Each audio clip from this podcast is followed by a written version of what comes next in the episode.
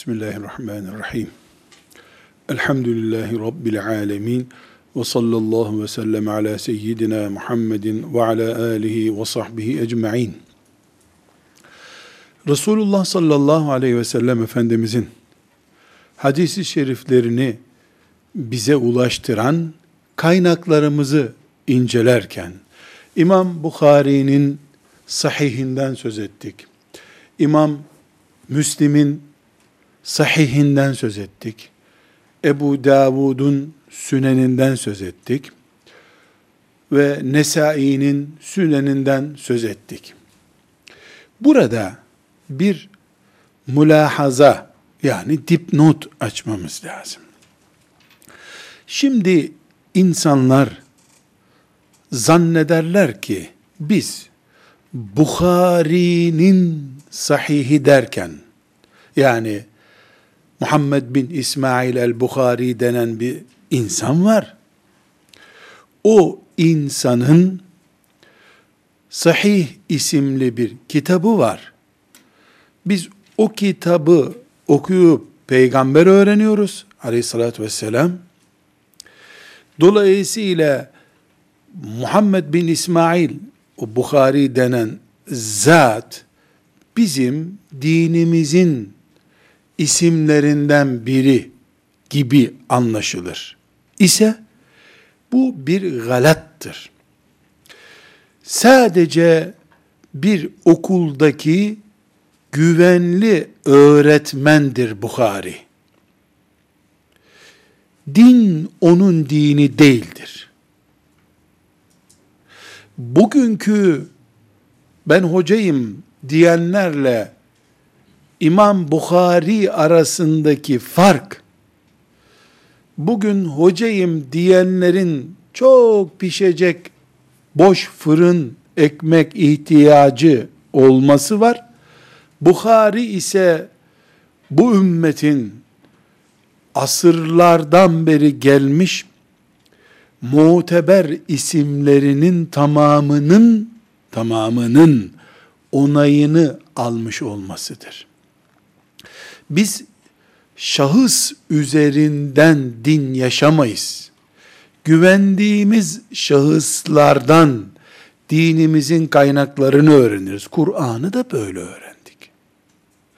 Übey ibn Ka'b radıyallahu anh sahabi Kur'an öğretti.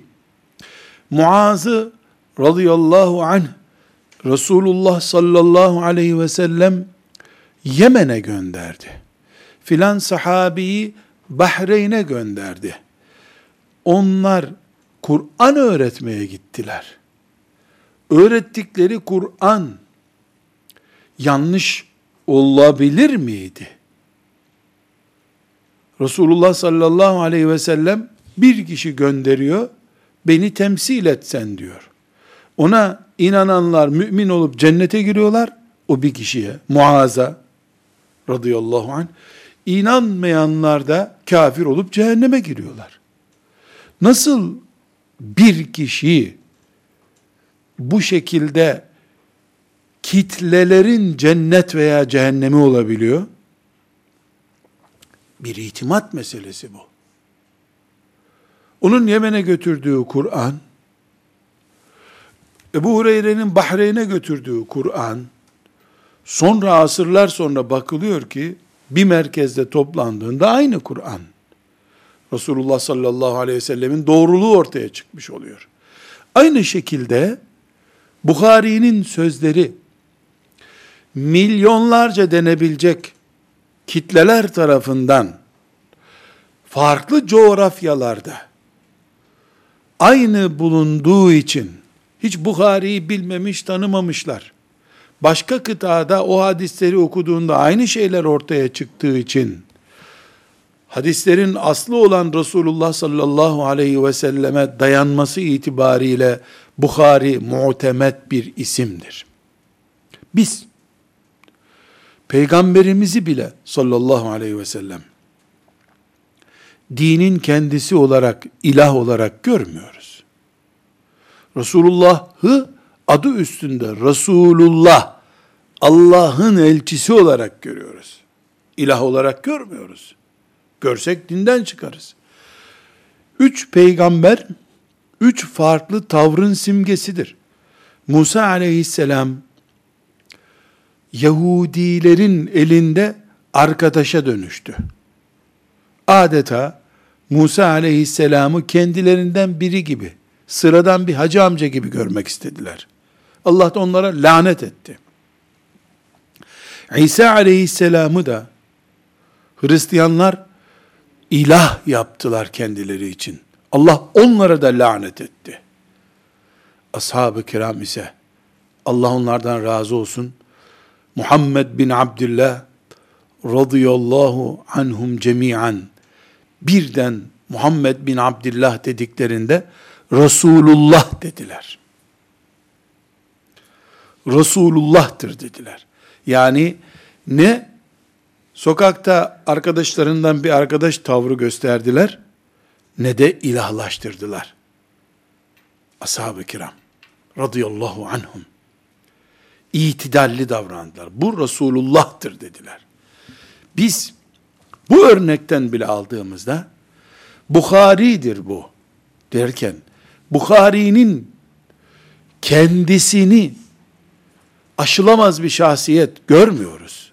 Ortaya koyduğu çalışmanın farklı coğrafyalarda, farklı binlerce uzman tarafından onaylanmış şekline bu saygıyı gösteriyoruz. Allahu Teala ona bu şerefi nasip ettiği için de onu Allah'ın mümtaz bir kulu, sevdiği bir kul olarak doğal bir şekilde görüyoruz. Elhamdülillah. Şimdi biz neden bu dipnota ihtiyaç hissettik? Mesela şu anda Tirmizi denen şahsı inceleyeceğiz. İmam Tirmizi'yi konuşuyoruz ve Sünen isimli eserini konuşuyoruz. Bizim için bu kitabın içinde İslamiyet dini var. İslamiyet'in peygamberi Muhammed sallallahu aleyhi ve sellemin sözleri var. Bu sözleri Tirmizi isimli bir alim topladı. Bir, Tirmizi'nin toplamasından dolayı bu sözler mübarek olmadılar. Tirmizi mübarek sözleri topladı. Topladığı bu sözlerin Resulullah sallallahu aleyhi ve selleme ait sözler olduğuna bu konunun uzmanları onay verdiler. Tirmizi bu sözlerle değer kazandı. Bu Tirmizi bu sözlere değer kazandırmadı. Asla. Bukhari için de bu kural geçerli. Bukhari'nin kitabına nasip oldu diye o hadis değerli değil. Bukhari o değerli sözü bulmayı becerdiği için Bukhari puan kazandı. Tirmizi'ye fark yaptı. Belki ince ama önemli noktaları tespit ediyoruz burada. Bu Sünen et-Tirmizi ümmeti Muhammed'in asırlarca süren hadis incelemelerinden sonra ilk altı kitaptan biri olduğu onayını almıştır. Binlerce hadis-i şerif var içinde. Daha önceki bölümde zikretmiştim. Bukhari, Sahih-i Bukhari, muhtevası bakımından bir numaradır. Kur'an-ı Kerim'den sonra gelir. Ondan sonra Sahih-i Müslim gelir. Bir numaradır o da. Eğer birler arasında, birinciliği paylaşanlar arasında bir sıralama yapacaksak, Bukhari birin ilki, Müslim'de birin ikincisi gibi olur. Bukhari ve Müslim'in rivayet ederken, bize ulaştırırken aynı sözü söylemelerine biraz daha güçlü bir puanla bakarız. Ondan sonra Ebu Davud gelir. Nesai gelir. Tirmizi gelir. Tirmizi'nin içindeki hadisi şerifler genel itibariyle değerli Resulullah sallallahu aleyhi ve selleme ait olduğunda sıkıntı olmayan hadis-i şeriflerdir. Ancak Sahih-i Bukhari ile Tirmizi arasında bir benzetme yapacak olsak ya da karşılaştırma diyelim daha doğru olsun yapacak olsak Bukhari'ye mesela 100 puan verdiysek Tirmizi 80'lerdedir. Puanlama itibar. Genelinin puanı. Ama Tirmizi'yi açtığımızda da içindeki bir hadisi şerif Bukhari'deki herhangi bir hadis kadar güçlü hadis olabilir. Neden puanı e, Buhari'ye göre puanını biraz daha düşük gibi gördük Tirmizi'nin?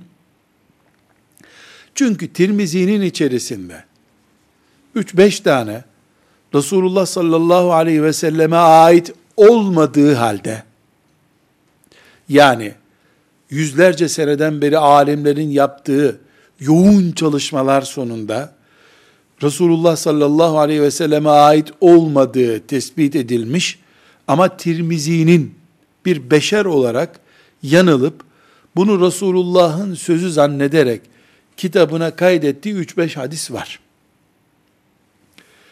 Biraz daha esnetirsek, Resulullah sallallahu aleyhi ve selleme ait olup olmadığı konusunda tereddüdümüz bulunan, zayıf dediğimiz hadisler de var. Bunu daha rahat bu şekilde söyleyelim. Dolayısıyla Tirmizi muteber bir kitap, ümmeti Muhammed'e İslamiyet dinini ve Müslümanlığı öğreten kitaplardır. Onlarca hadisi şerif, yani Resulullah sallallahu aleyhi ve sellemin onlarca sözü sadece bu kitapta var. Özellikle zühdle, takva ile, kıyametle, fitne ile ilgili pek çok hadisi şerif sadece Tirmizi'de bulunuyor. Allahu Teala Tirmizi'ye bir himmet vermiş. O da gidip hocalarından ders okuyarak, notlar tutarak, Peygamber sallallahu aleyhi ve sellemin hadis-i şeriflerini toplamış, bu kitaba kaydetmiş. Tıpkı Bukhari'ye Allahu Teala'nın himmet ve zeka verip böyle bir görevi yapmasını ona yönlendirdiği gibi. O başka bir açıdan toplamış. Ebu Davud başka bir açıdan toplamış. Müslim, Bukhari'nin talebesidir. Hocasından öğrendiği şeylerin üstüne gitmiş, başka bir sistemle çalışmış. Resulullah sallallahu aleyhi ve sellemin Arap Yarımadası'na, Asya'ya yayılmış hadisi şerifleri toplamışlar. Hatta Mısır'ı da katarsak Afrika'ya yayılmış hadisi şeriflerini toplamışlar. Bazı hadisi şerifler Bukhari'ye ulaşmamış, Tirmizi'ye ulaşmış. Sonra da Allahu Teala binlerce alim kuluna bunların üzerinde yoğun çalışmalarını ilham etmiş. Oturmuşlar Tirmizi'nin bize bu kitabında aktardığı binlerce hadisi on binlerce kere taramışlar. Nereden duymuş Tirmizi? Nasıl duymuş? Bunlara nasıl yaptıklarını bu çalışmayı değineceğiz inşallah. Yani Tirmizi rivayet etmiş. Tirmizi'nin de sakalı uzun ve bembeyazdı. Hızır Aleyhisselam'ın karakterlerine benziyordu. Eh, demek mübarektir bu hadis dememişler. Hatta defalarca vurguladık. Bukhari'nin bile tamamdır.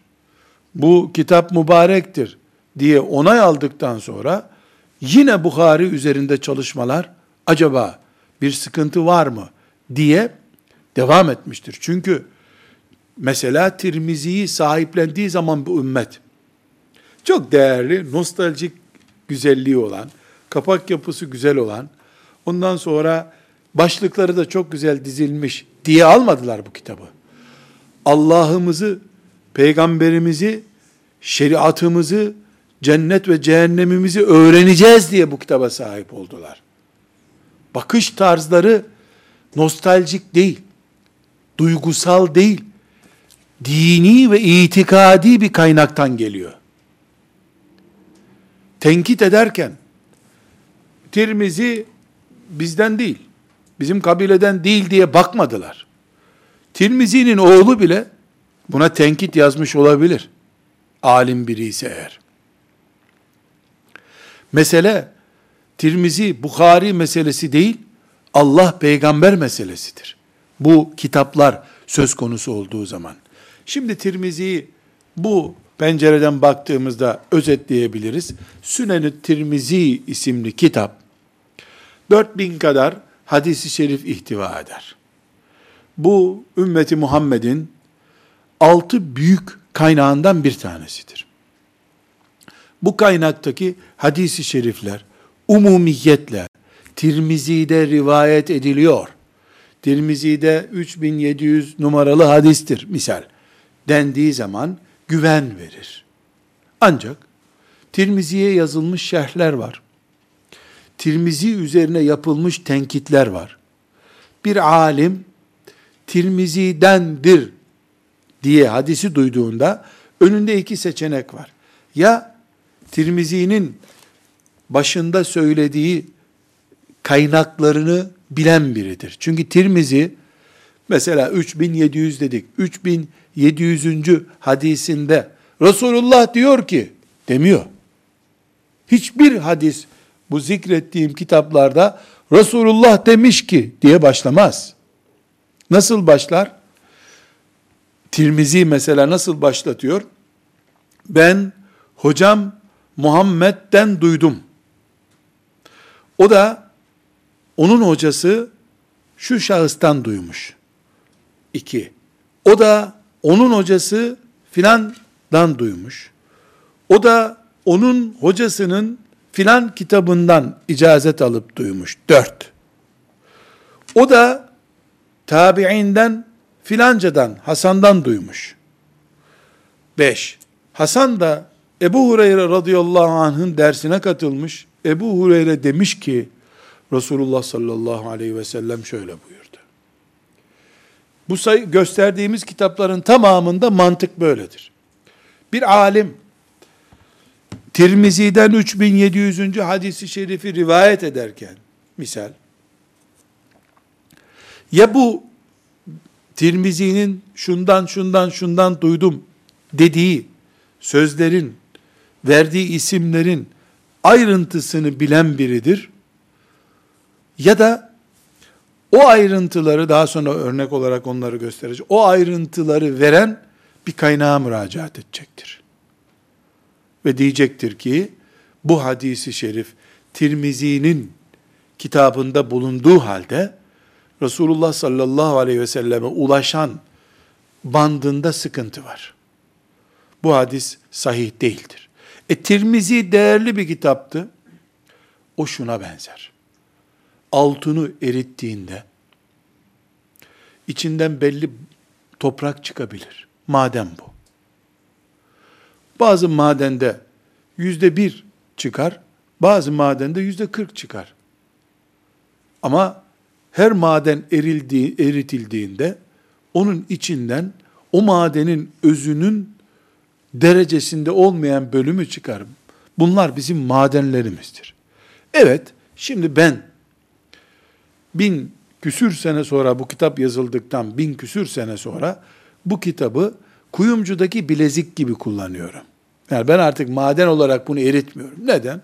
Allah onlardan razı olsun. Binlerce alim ömürler vererek bu kitapları bizim herhangi bir şekilde zorlanmadan okuyacağımız hale getirmişlerdir. Altına not olarak düşmüşlerdir. Bu Tirmizi'de var ama bu sahih değil demişlerdir. Bu sahihtir demişlerdir. Bu zayıftır demişlerdir. İbn Mace isimli başka bir kitapta mesela bu mevzudur demişlerdir. Dolayısıyla ben paketlenmiş, bilezik haline getirilmiş olarak bu kitapları kullanıyorum. Öz olarak dinimizi öğrendiğimiz kaynaklarımızdan bir tanesi Süneni Tirmizi isimli kaynaktır. Allah müellifine rahmet etsin. Bu kitabı bugüne kadar taşıyarak getiren bütün hadis alimlerine rahmet etsin. Bu kitaptaki kaynağı, e, bu kitaptaki hadisi şerifleri didik didik edip ibadet, muamelat, ahlak, zühd konularında bize kullanılır malzeme haline getiren fukahamıza rahmet eylesin. Tirmizi baş tacımız. İçinde sorunlar var, bizi ilgilendirmiyor. Neden? Biz sorunsuz bölümünü kullanıyoruz zaten. Bu hadis Tirmizi'dedir deyip atamaz kimse. Bu hadis Tirmizi'dedir ama alimlerimiz bu hadisle akide oluşmaz. Bu hadise göre namaz kılınmaz demişlerdir. Onu bir kültür birikimi olarak bu kitapta tutmuşlardır bu sefer. Neden? En azından bu hadis dediğimiz şey hadis değilse bile bu kitabın yazıldığı döneme ait ipucu veriyor. O dönemin kültürünü tanıtıyor en azından.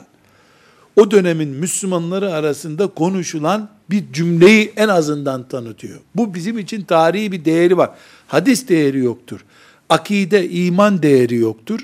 Sahih olmadığı için. Namazın farzlarından birini oluşturacak güçte ibadet değeri yoktur o günün kültürü, o günün tarihi, o günün dil yapısı hakkında bilgi vermektedir. Biz de bunu Tirmizi'den okurken bir tür o güne ait bir kültür birikimi olarak okuruz. Bukhari'den bir hadisi okurken ya da Tirmizi'nin sahih hadislerinden birini okurken de akide birikimimiz açısından okuruz. Bir sıkıntımız da yoktur. Tirmizi'yi bilhassa kıyamet konularında, fitne konularında, dua ile ilgili hadislerde mesela dua olarak yaptığımız pek çok hadis-i şerifin kaynağı Tirmizi'dir. Neden peki Tirmizi bu konularda öne çıktı? Tirmizi böyle bir seçim mi yaptı? Yok. Öyle bir derdi yok. Öyle bir derdi olsa dua kitabı diye onu yazardı zaten. Bu bütün İslam hakkında Peygamber sallallahu aleyhi ve sellem'den gelen şeyleri özellikle toplamaya niyet edip yola çıkmış. Neden peki e, dua hadisleri bunda daha yaygın, fitne hadisleri bunda daha yaygın. Mesela bir önce konuştuğumuz Ebu Davud'daki fitne bölümü çok güçlüdür. Fitneler, Melahim isimli bir bölüm var. Dünyanın sonuna doğru ortaya çıkacak olaylar Ebu Davud'da daha güçlü. Neden? Biraz önce dedik ki bu Allah dostları oturup ansiklopediler karıştırarak bugün doktora tezi yazılır gibi bu kitapları yazmadılar.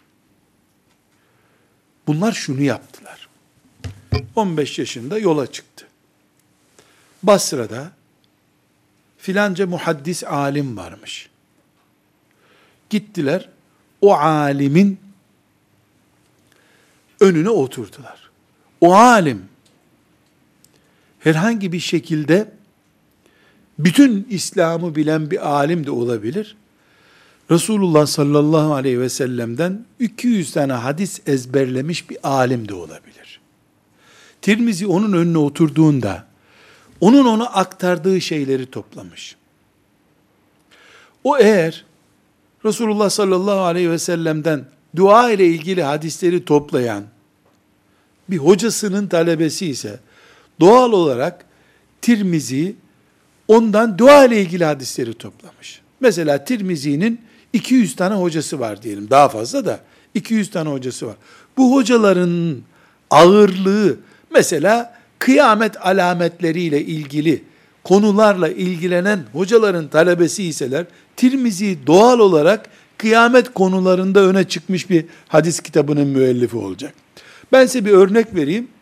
Yüzde yüz bu olduğunu anlayacaksınız. Trabzon'da kestane ağaçları çok güçlüdür. Kestaneler çiçek açmaya başlayınca her yer kestane rengine bürünür ormanlarda. Trabzon'dan bal satın aldığınız zaman kestane balı Trabzon deyince o Trabzon dağlarının kokusunu verir. Aslında arı sadece kestane ağaçlarına konup gitmiyordu. Başka ağaçlara da oturuyordu ama mesela Nisan ayında, Mayıs ayında kestane ağaçları çiçek açtığında Arı büyük oranda onların çiçeğini toplar. O bal kestane ağacındaki acılıktan renge kadar her şeyi yansıtır. Bayburt'ta arılar kovanlarından çıkıp bala gittiklerinde Bayburt'ta kestane ağacı değil kavak ağacı da yok. Ama her taraf çiçek dolu. Dümdüz vadiler, dağlar çiçek dolu. Arı o çiçeklere konuyor. Hepsi arı oldukları için, hepsi bal ürettikleri için biz onları kovanlarından topluyoruz. Trabzon'dan topladığın kovanda kestaneyi koklanıyorsun. Aslında yüz çeşit de çiçek vardır onun aslında ama kestane ağırlıklıdır.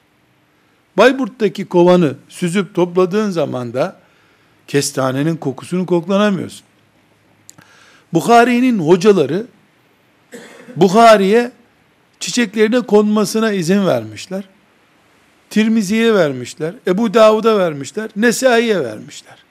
E dolayısıyla ümmeti Muhammed bunlardan istifade ettiği zaman onların yani Tirmizi'nin balını yediğimiz zaman bu bu bu bal petek bu.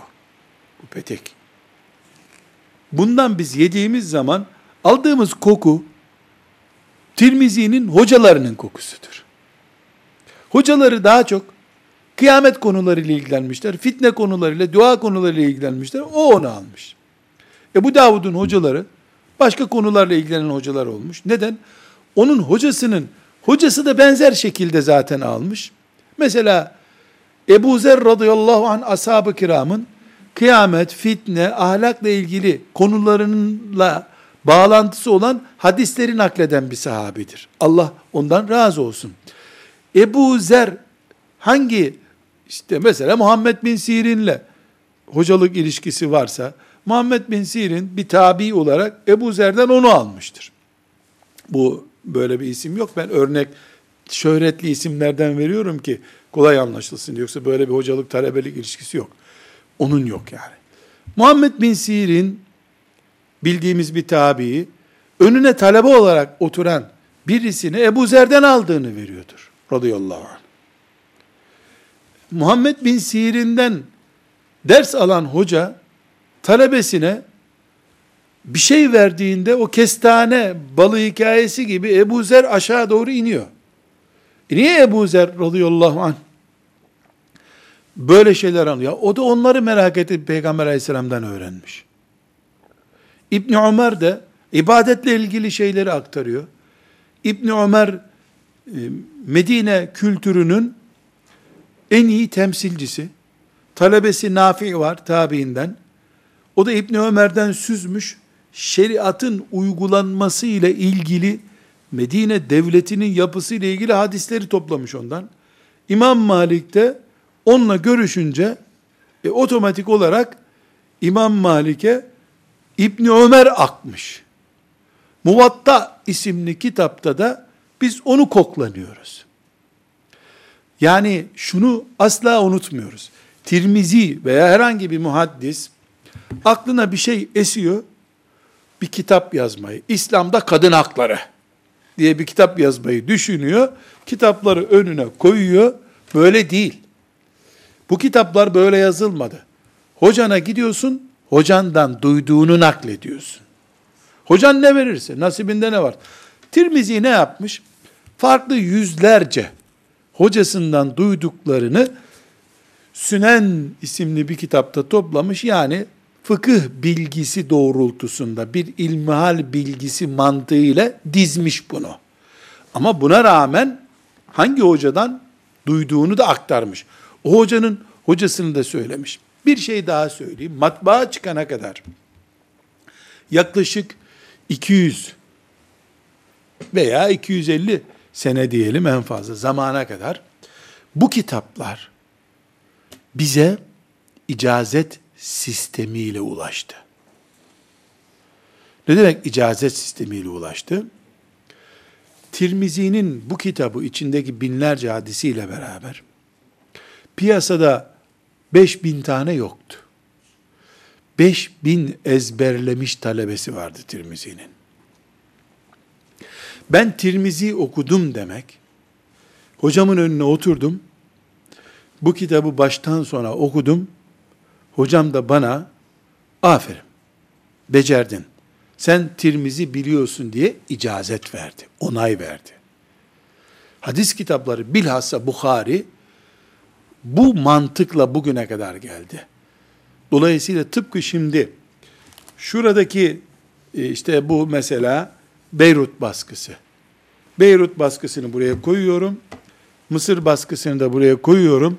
Karşılaştırıyorum. Nasıl yapıyorsam Hindistan'da Tirmizi'den bir hadis nakleden icazetli bir talebe, Yemen'de veya Medine'de Tirmizi'den hadis nakleden icazetli bir talebeyle hep karşılaştırıldı. Dolayısıyla kağıt güvencesi, bakanlık, serfrika belgesi vesaire e, yoktu kitaplarda ama binlerce ezber beyin bu kitapların sigortası oldu bugüne gelinceye kadar. Birbirlerini hep sigorta ettiler. Şimdi de yani bu gelenek kalkmadı elhamdülillah. Ee, bu gördüğünüz kalın kalın kitapları böyle bir e, on kıta şiir ezberler gibi ezberliyor insanlar hala. Gereksiz bir dipnot açayım. Hiçbir Allah'ın kulu, mesela kütüb-i sitte, şunlar kütüb-i sitte, böyle görüldüğü gibi. Bunları nasıl ezberliyormuş ki insanlar demesin bana. Tıp fakültesine giren 17 yaşında bir kız çocuğu veya erkek çocuğunun ezberlediği formüller, çözdüğü problemler bunun beş katıdır. Türkiye'nin ilk binine girip büyük tıp fakültelerini kazanan çocukların okuduğu, çözdüğü sadece bir yıl içinde üniversiteye hazırlanırken çözdüğü formüller bundan fazladır ve bundan on kat kargaşadır.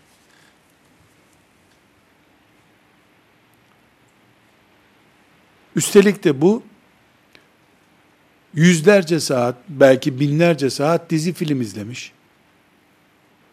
Bir sürü boş işlerle ömrü geçmiş 17 yaşında birisidir.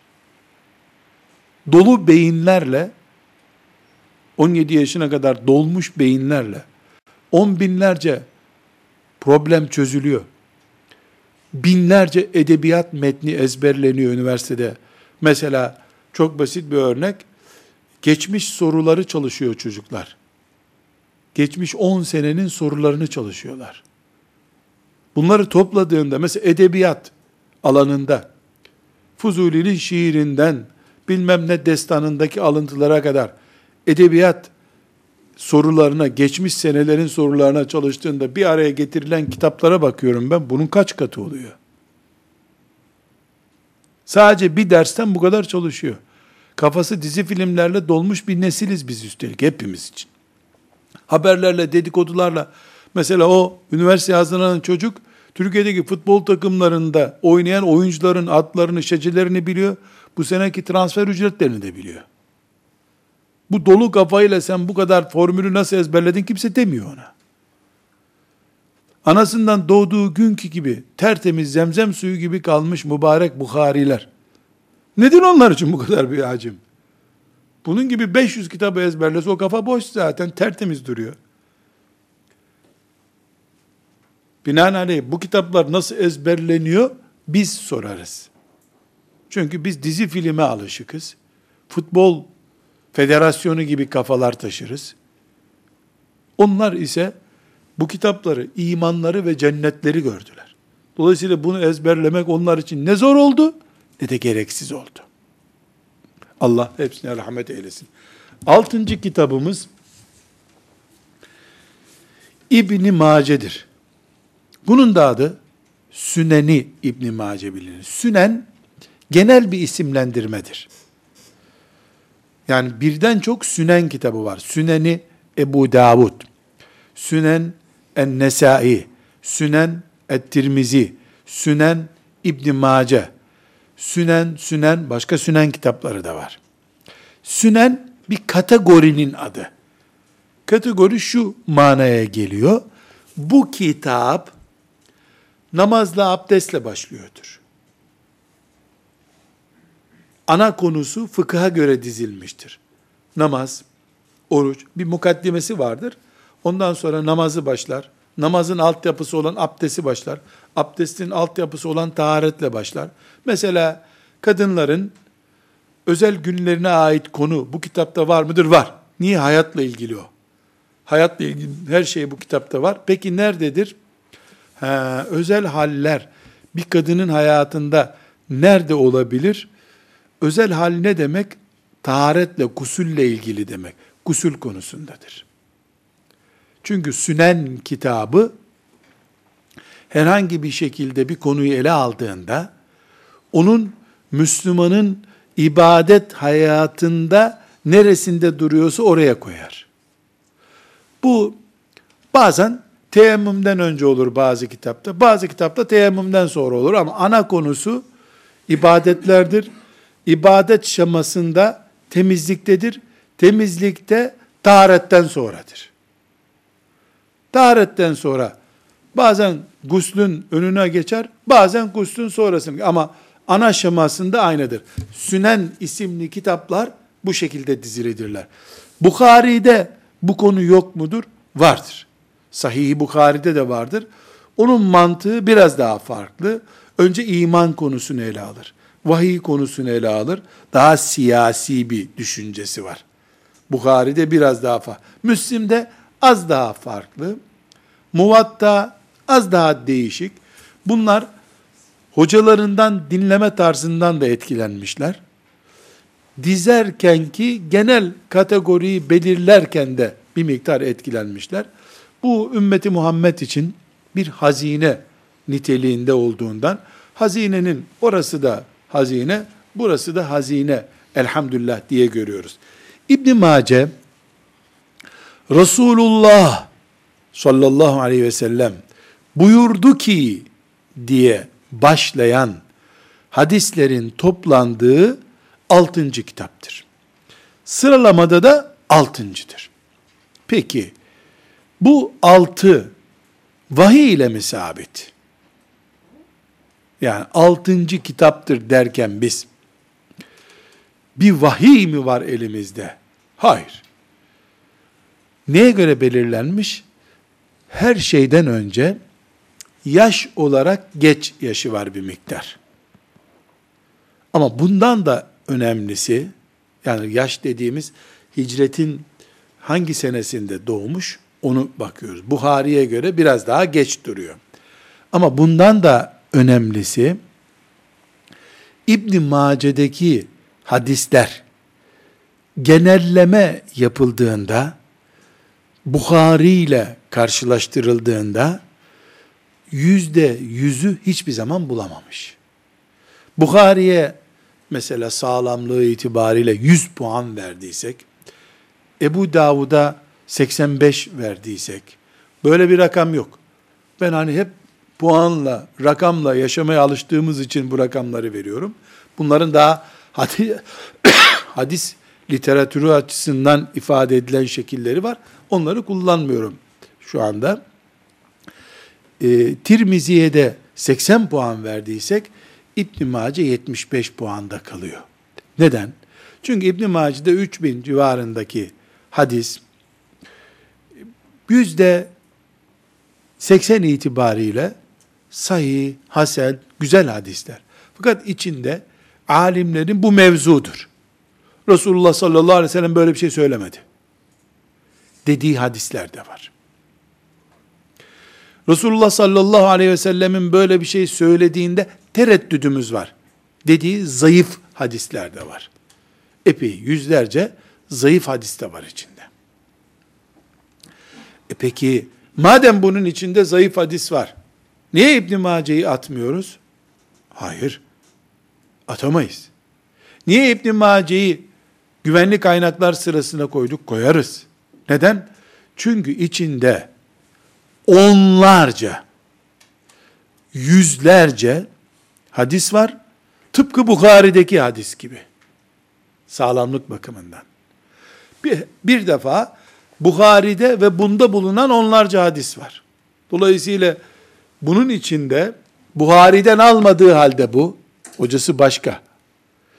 Bukhari'de güvenli diye damgalanmış hadisten bunun başka yerden getirdiği hadisler var. Bu Bukhari'nin gücü oluyor. Bukhari'deki sistem bunu güçlendiriyor. Neden? İbn Mace gitmiş Yemen'deki hocasından hadis okumuş. Bukhari de gelmiş Bağdat'taki hocasından hadis okumuş. Sonra bu kitapları yazdıklarında bakıyoruz ki Yemen'deki hocasından İbn Mace'nin okuduğu bu hadisi şerif tıpatıp Bukhari'nin Bağdat'taki hocasından okuduğu hadis-i şerif ve internette Google'dan bulmamışlar bunları. Google hadisleri değil bunlar. Yani bunu Google'dan yazdılar, buldular diyemeyeceğin bir zaman. Bir kitabın yazma nusasından 100 tane dünyada yok o günlerde. Bir tane var, o da o adamın masasında duruyor zaten. Rahlesinde duruyor. Yemen'deki hocanın Bağdat'taki hoca ile telefonla görüşmesi mümkün değil. Mesaj gönderip WhatsApp'tan bu hadisi bana yazsana demesi mümkün değil. Yemen'den Bağdat'a bir ayda geliniyor. Peygamber böyle dedi diye uydurmak kolay aleyhissalatü vesselam. Ama o uydurduğunun uydurma olmadığını belgelemen mümkün değil. Niye? Nereden duydun inceleniyor. O nereden duydun sözünü sen ispat etmen lazım. Bunu izah edeceğim inşallah. Dolayısıyla İbn Mace ya madem zayıf bir kitap İbn Mace bizim kitaplarımız gibi diyemiyorsun. Neden? Evet içinde sorunlu hadisi şerifler var. Ama benim yüreğimin kitabı bu gene. Hiçbir şey değişmiyor. Neden?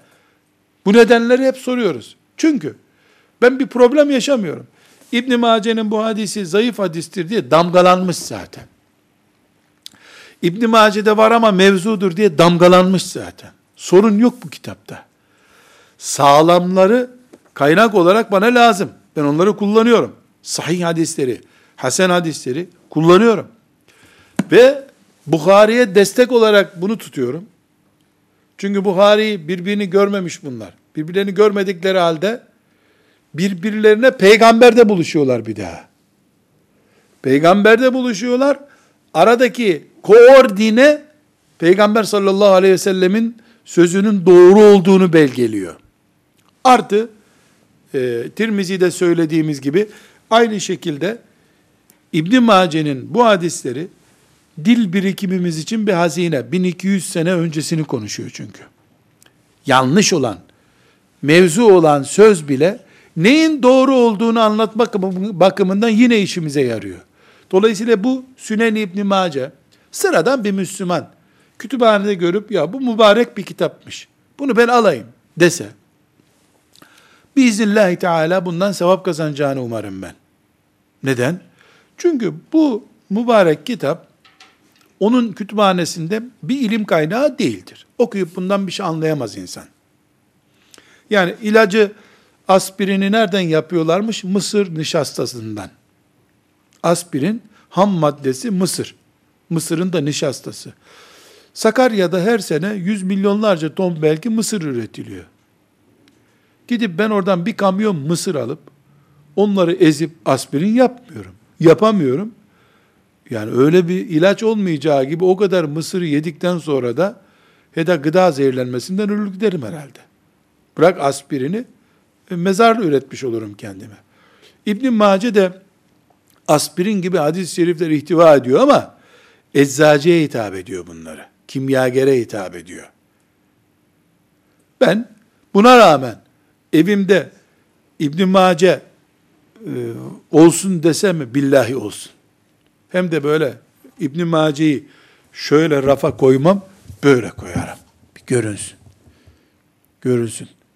Millet enayiliğine doymayacak kadar aptalca gidip bir boncuğu evinin üstüne koyuyor, mavi bir boncuğu. Bir cam fabrikasında üretilmiş boncuk ondan uğur geleceğini düşünüyor.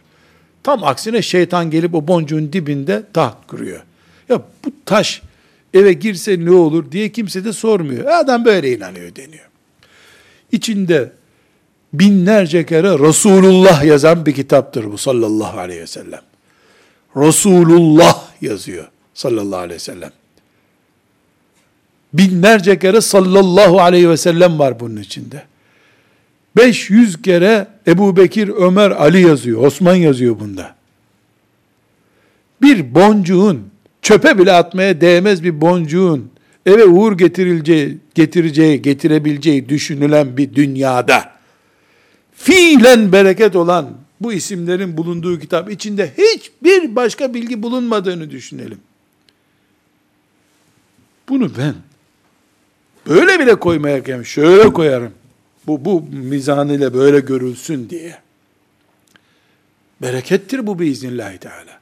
Kaldı ki ilim ayrı bir mesele. İbn Mace fıkıh kitapları bakımından da kaynak kitaptır. Pek çok ibadetle ilgili hadis-i şerifler İbn Mace'de var. Özellikle mukaddimesi İbn Mace'nin çok değerlidir. Yani mukaddimeyi e, İbn Mace kendisi bizzat hadisin, imanın, Resulullah sallallahu aleyhi ve sellemin bizim için bulunduğu yerin e, tespiti açısından ayarlamış. 110 civarında hadis-i şerif var mukaddimesinde. Çok değerli. Yani İbn Mace'nin tamamını okuyamayan bile, okuma imkanı olmayan bile İbn Mace'nin mukaddimesini okusa çok güzel.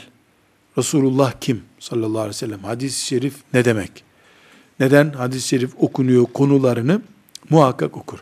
Ama bu kitapları biz şerhleriyle beraber okuduğumuzda ki bunların şerhleri var. İbn Mace'nin şerhi var. Türkçede de İbn Mace'nin şerhi var. Ee, Türkçe çok güzel 10 ciltlik şerhi var, piyasada var. İbn Mace o şerhten okunduğunda bir ilmuhal kitabı gibi insana bilgi verir. Bir akide kitabı gibi bilgi verir. Ee, bir şartla ilmihal kitabını şöyle bir üniversite imtihanına girecek gibi okumamış birisinin bir güzel kendi tabi olduğu mezhebine ait ilmuhal kitabını okumamış birisinin İbn Mace okumasının caiz olmayacağını düşünüyorum. Neden? Bu biraz önce örnek verdiğim gibi madem aspirin nişastadan yapılıyor ben de Sakarya'dan bir kamyon mısır alayım bütün sülaleye yetecek kadar kaynatıp kaynatıp aspirin yaparız demeye benzer bu. Bu kimyager iş. Türkçe şerh yapılmışsa, mesela bu gördüğümüz gibi bir cilt, on cilt ne yazmış adam bunun şerhini yaparken? Beş satırlık bir hadis-i şerife iki sayfa açıklama yazmış. Bu şu demektir. Şudur. Çünkü hadis-i şerifler Resulullah sallallahu aleyhi ve sellemin anlık kesitleridir. Her hadis, mesela Ebu Hureyre dedi ki, Resulullah sallallahu aleyhi ve selleme kadın geldi, şunu söyledi, Resulullah sallallahu aleyhi ve sellem şu cevabı verdi. Bu 23 yılın 23 saniyesinin kesitinin alınıp bize taşınmasıdır. Bu 23 saniyenin saatlerce gerisi var, saatlerce sonrası var. Ebu Hureyre radıyallahu anh bunun tamamını bize aktarmıyor. Bazen de kadın geldi de kadının şu sorusuna şunu söylediği de demiyor. Resulullah sallallahu aleyhi ve sellem dedi ki diyor başlıyor. Halbuki kadın şöyle yaptığı için ona şunu dedi açıklaması var. Şerhler bunları topluyor. Tekrar vurguluyorum. Ümmeti Muhammed'in Allah demesinin, Resulullah demesinin kaynaklarını konuşuyoruz. Kütüb-i Sitte isimli kitaplarımızı konuştuk. İlk altı kitabımız. Bukhari, Müslim, Ebu Davud, Nesai, Tirmizi, İbn Mace. Başta tekrar ettiğim şeyi şimdi tekrar ediyorum. Biz peygamberimizi bile haşa put yapmayı Hristiyanlar gibi caiz görmediğimize göre herhalde Bukhari'yi put etmeyiz. Nesai'yi put yapmayız. İbn Mace benim canım. Kitap evimin bereketi. Kütüphanemin bereketi. Ama İbn Mace putum değil. Dolayısıyla İbn Mace'yi severim. Hocam derim. Kitabını kaynağım bilirim. Dönerim İbn Hac İbn Hacer'i, Suyuti'yi, Zehebi'yi bunlara örnekler vereceğiz inşallah ileride İbn Mace'deki bir hadis hakkında ne demiş diye incelerim. Bakarım Zehebi, İbn Mace'nin bu hadisiyle amel olmaz diyor. Vay İslam düşmanı casus demem Zehebi'ye. Neden? O da İbn Mace'nin talebesi zaten. Talebesinin talebesi. Ama onun derdi İbn Mace değil çünkü.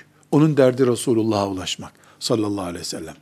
Arıza gördü mü Buhari'yi de takmaz. Müslim'i de takmaz.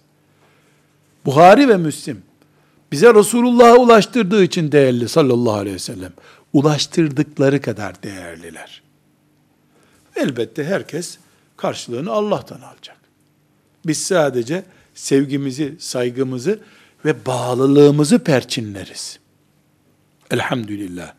Ben İbn Mace ki altıncısı bu kitapların kütüphanemde Süneni İbn Mace var mı diye sorulduğunda hangi baskısı diyorum. Ben sağken ve cebimde şöyle bir ayakkabı alacak kadar param varken İbn Mace'nin yeni bir baskısı çıkacak ve bendeki baskıdan da bir farkı olacak ve ben onu almayacağım. Ve ayakkabım olacak. Vallahi olmaz ayakkabım. Terlikle gezerim. Ama İbn Mace'nin yeni bir tahkiki çıkmış. Farklı bir baskısı çıkmış. Ve ben onu almamışım. Terlikle gezerim. Ayakkabısız gezerim. İbn Mace'siz olamam.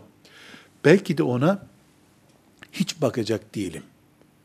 Çünkü bir tane ana kullandığım baskı var. O baskıya yetiyor bana.